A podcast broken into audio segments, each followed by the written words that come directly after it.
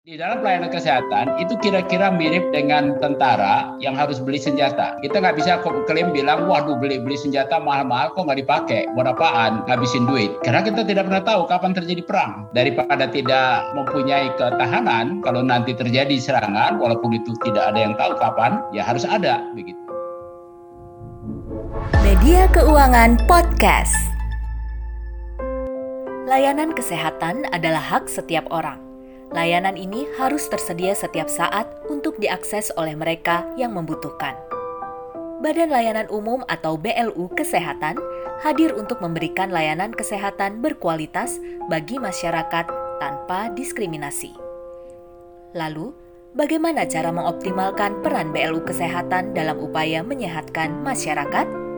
Simak perbincangan media keuangan bersama Chairman Indonesia Health Economic Association, Profesor Dr. Hasbullah Tabrani pada podcast berikut.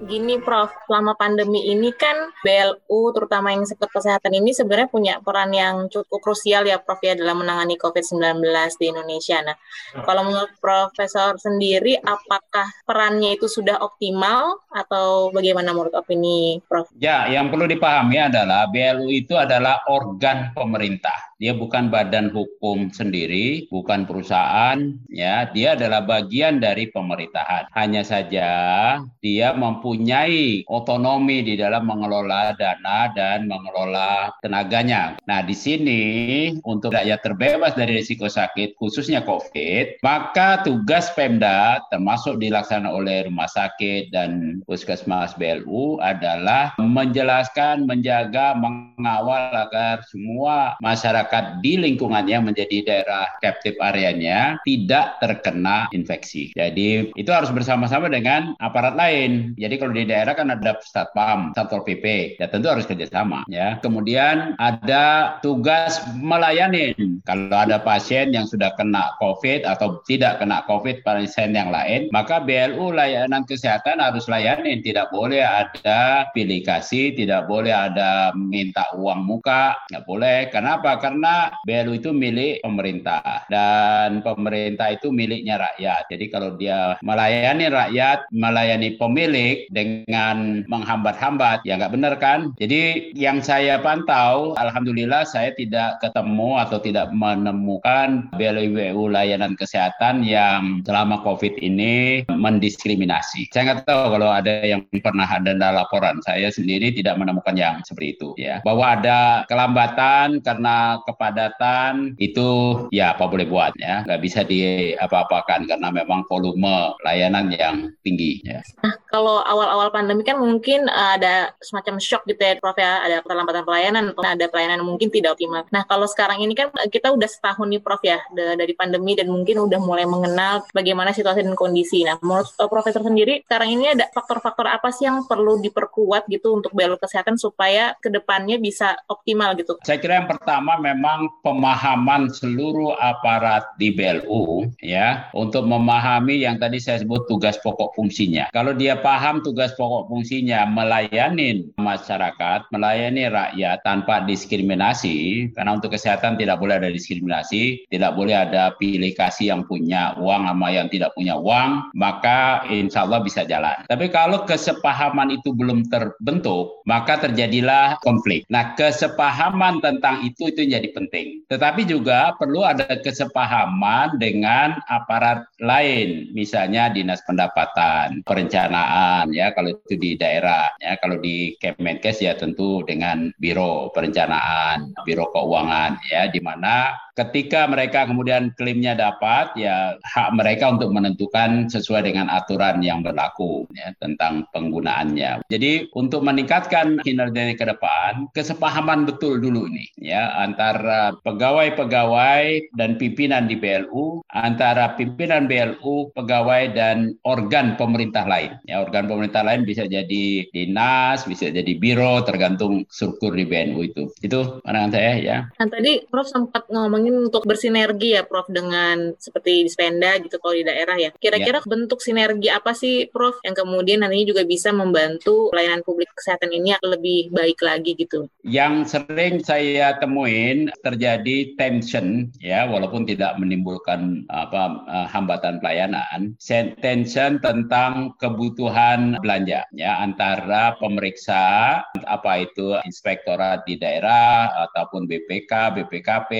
tentang apa itu BLU dan bagaimana kewenangan PPK BLU. Dalam bidang kesehatan ini memang sangat kompleks. Seringkali orang di Spenda misalnya atau orang keuangan atau inspektorat daerah tidak memahami betul kompleksnya di mana kebutuhan melayani pada waktu yang tepat uh, sering kali tidak sama. Misalnya dalam pengadaan ini sering dikeluhkan. Dalam rumah sakit obat-obat yang life saving men menyelamatkan nyawa orang harus dibeli dan obat itu bisa jadi punya expire date tertentu dan bisa jadi sampai expire date-nya tercapai belum pernah digunakan, dimusnahkan. Ini berapa kasus terjadi nih. Pemeriksa bilang ini kenapa dibeli nggak dipakai? Ke mana ini nih gagal dipakai dibuang? Ya sudah expired ya. Nah itu bagian yang perlu di, dipahami betul untuk layanan kesehatan karena dalam layanan kesehatan obat-obat yang bisa terjadi dibutuhkan masyarakat bisa jadi kemungkinannya sangat kecil terjadi misalnya obat bisa ular ya harus dibeli harus ada. Walaupun bisa jadi selama setahun dua tahun nggak ada gigit ular. Tapi kan kejadian digigit ular suatu ketika bisa saja terjadi. Itu harus ada. Sehingga di dalam pelayanan kesehatan itu kira-kira mirip dengan tentara yang harus beli senjata. Kita nggak bisa klaim bilang waduh beli beli senjata mahal-mahal kok nggak dipakai? Buat apaan? Ngabisin duit. Karena kita tidak pernah tahu kapan terjadi perang. Daripada tidak mempunyai ketahanan kalau nanti terjadi serangan walaupun itu tidak ada yang tahu kapan ya harus ada begitu. Nah ini yang sering kali di dalam pelayanan kesehatan terjadi tension antara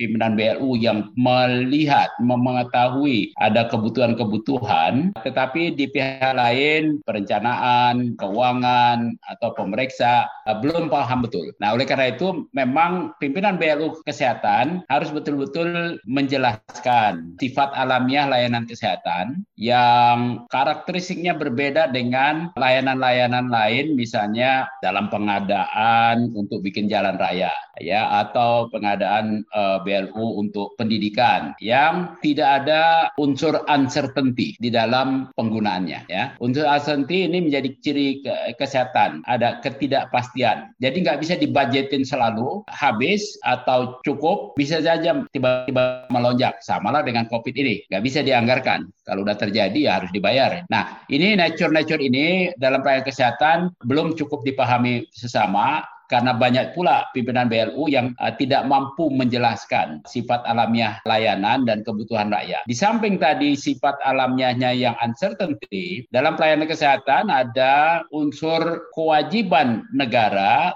yang sering kali juga kurang mendapat perhatian. Bahwa setiap orang berhak atas layanan kesehatan. Itu undang-undang dasar. Tetapi banyak mindset orang BLU masih masih mindset dagang. Sehingga ada orang kebutuhan layanan yang cukup mahal life saving dia ragu-ragu untuk menggunakan sumbernya. Nanti ditanya pemeriksa bagaimana tanggung jawabnya bagaimana. Dia kagak punya uang dia tidak menjadi peserta JKN bagaimana ini? Nah dalam kondisi seperti itu harus melihat pada sifat alamiah wilayahnya. Undang-undang sebetulnya sudah menuliskan kalau dia rumah sakit, undang-undang rumah sakit tidak boleh suatu rumah sakit apakah dia BLU atau swasta bahkan menolak kondisi pasien. Ya, pada saat pasien dalam keadaan yang perlu penyelamatan jiwanya atau mencegah kecacatan, maka itu yang harus didahulukan. Tidak boleh administrasi keuangan didulukan. Nah, itu prinsip dasarnya yang di Indonesia memang belum cukup dipahami karena di masa lalu peraturan-peraturan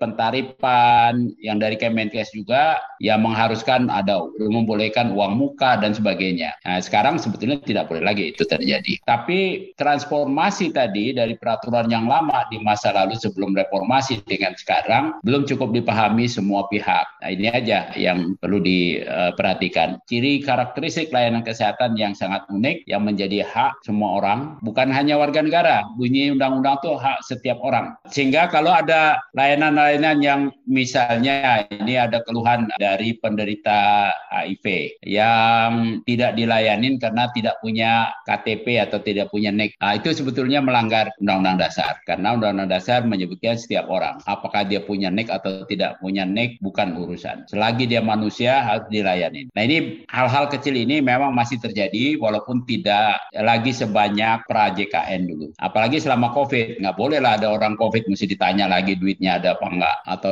uh, tidak dilayanin karena uh, nggak punya KTP, tidak boleh lagi. COVID ini sebetulnya bagus memberi pelajaran karena dalam peraturannya COVID tidak lagi melihat rumah sakitnya kontrak atau tidak kontrak dengan BPJS, BPJS mereview, ya kan? Tidak lagi menyatakan pasiennya warga negara atau bukan warga negara, bukan warga negara pun tetap dilayanin. Jadi ini COVID ini merupakan sebuah proses pembelajaran dan pengoreksian layanan kesehatan yang sangat bagus. Nah, tadi kan Prof sempat ngomong iya. kendala itu salah retention dengan auditor. Apakah juga ya. banyak keterbatasan ini ya, Prof? Jumlah pegawai di BLU Kesehatan ataupun mungkin di RS itu yang paham tentang administrasi keuangan. Jadi kemudian tidak bisa apa namanya menjadi jembatan antara BLU-nya dengan misalnya auditor. Itu sangat sangat menonjol hal itu. Karena sebetulnya puskesmas terlalu kecil untuk dijadiin BLU di mana dalam PPK BLU harus ada orang yang paham betul keuangan dengan baik. Sementara puskesmas itu relatif terlalu kecil. Nggak mungkin dia merekrut akuntan misalnya. Kalau rumah sakit yang cukup besar, mampu. Puskesmas tidak. Itu memang jadi kendala. Tanpa BLU, mereka juga punya kendala. Sebagai contoh misalnya, kalau kita suka dengar ada uang kapitasi tidak terpakai 3 triliun, itu karena puskesmasnya tidak BLU, yang menggunakan uangnya adalah Pemda, sementara Pemda punya oknum sih sebetulnya punya kepentingan-kepentingan sendiri sehingga tidak memberi izin puskesmas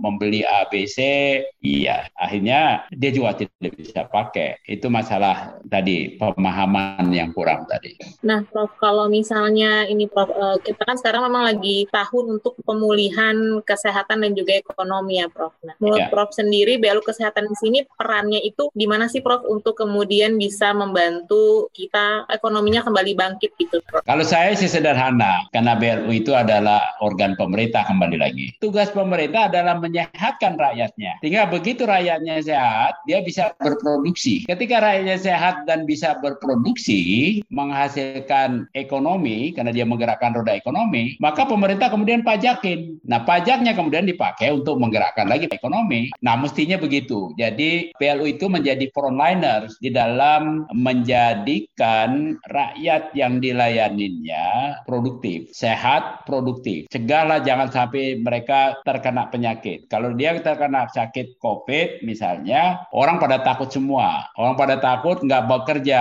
nggak bekerja, ekonomi berhenti. Kan begitu ya. Ini ini peranan yang saya sebut seperti spiral yang saling memperkuat antara kesehatan dan ekonomi. Nggak bisa dipisahin, nggak bisa dipisahin. COVID telah menunjukkan hal itu, nggak bisa dipisahin. Begitu duitnya cukup banyak, perkuat lagi pelayanan promotif preventif kuratif ya kalau sudah itu bagus maka ekonomi akan bergerak gitu nah jadi gini Prof kan tadi Prof sempat bilang kalau eh, BLU kesehatan ini untuk kita optimalkan itu harus punya seperti target kerja juga harus uh, orang-orang di dalamnya juga punya kesepahaman yang sama lalu kemudian kita sebagai rakyat itu punya hak untuk sehat dan selamat ya Prof ya Iya. nah apakah kemudian keselamatan pasien itu perlu jadi indikator kinerja BLU nih supaya BLU terdorong nih Prof optimal gitu karena ikunya nya atau KPI-nya itu adalah keselamatan pasien gitu. Ya memang itu bagian dari sudah jadi KPI sebetulnya sekarang. Sudah jadi KPI keselamatan pasien itu bagian dari KPI di rumah sakit rumah sakit. Hmm. Ya, cuma oh, gitu. pada tingkat puskesmas itu belum di enforce. Kalau rumah sakit sudah. Ya. Oh. Yang belum, nah ini bagian yang belum. Uh, yang belum adalah enforcementnya yang bagus. Oh dari segi KPI sudah, tapi tolerir aja kita kurang kurang bagus gitu ya. Hmm. Maka sebetulnya di dalam Undang-Undang Rumah Sakit sudah ada perlindungan pasien tadi. Eksekusinya dan sanksinya yang belum tertulis di situ sehingga waktu eksekusi menjadi lemah. Oke, tadi kita udah ngomongin tentang sistem manusianya. Kalau dari sarana prasarana sendiri, Prof, apakah perlu juga dikuatkan dan di level mana gitu, Prof? Yang mungkin kan mungkin kalau RS, kalau puskesmas kan juga mau didorong di BLU, apakah kemudian juga harus lebih lengkap lagi secara sarana prasarana untuk kemudian kinerjanya optimal untuk melayani publik? Ya, kita memang punya kendala yang mudah berkali-kali saya sering ngomongin. Kendala yang saya bilang diagnosis penyakit sistem kesehatan kita adalah sistem kesehatan kita kekurangan gizi serius, malnutrisi berat, kurang dana.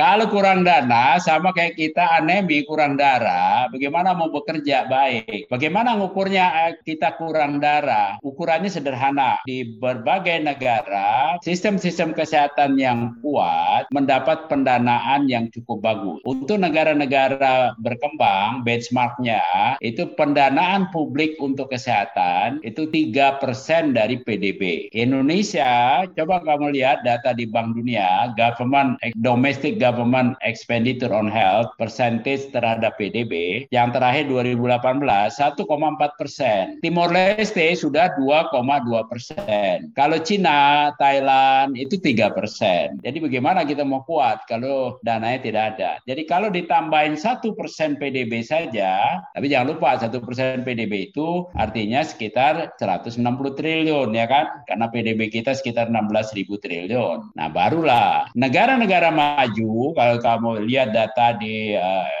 Eropa, di Jepang, Korea, Australia, umumnya berada pada 6 sampai 8 persen PDB. Jadi jauh kita, baru 1,4. Nah, di sinilah perlunya kesepahaman bersama, perlunya dialog di mana kita kekurangannya. Ya. Dengan dana yang seperti itu, ya ibarat kalau kita mau tidur banyak nyamuk, selimutnya tanggung cuma semeter. Tutup kepala kaki digigit eh, nyamuk, tutup kaki kepala digigit nyamuk gitu. Nah, harus di, dilebarin selimutnya kira-kira begitu. Untuk covernya dilebarin. Nah, ini yang belum ada kesepahaman. Peningkatan belanjanya yang lebih tinggi harusnya untuk mengejar ketinggalan tadi ya. Nah, memang tidak mudah saya tahu karena sektor-sektor lain juga berebutan. Nah, ini bagian yang menjadi tantangan pada level makro tapi pada level policy, bukan pada level mikro di BL. Baik, makasih Prof.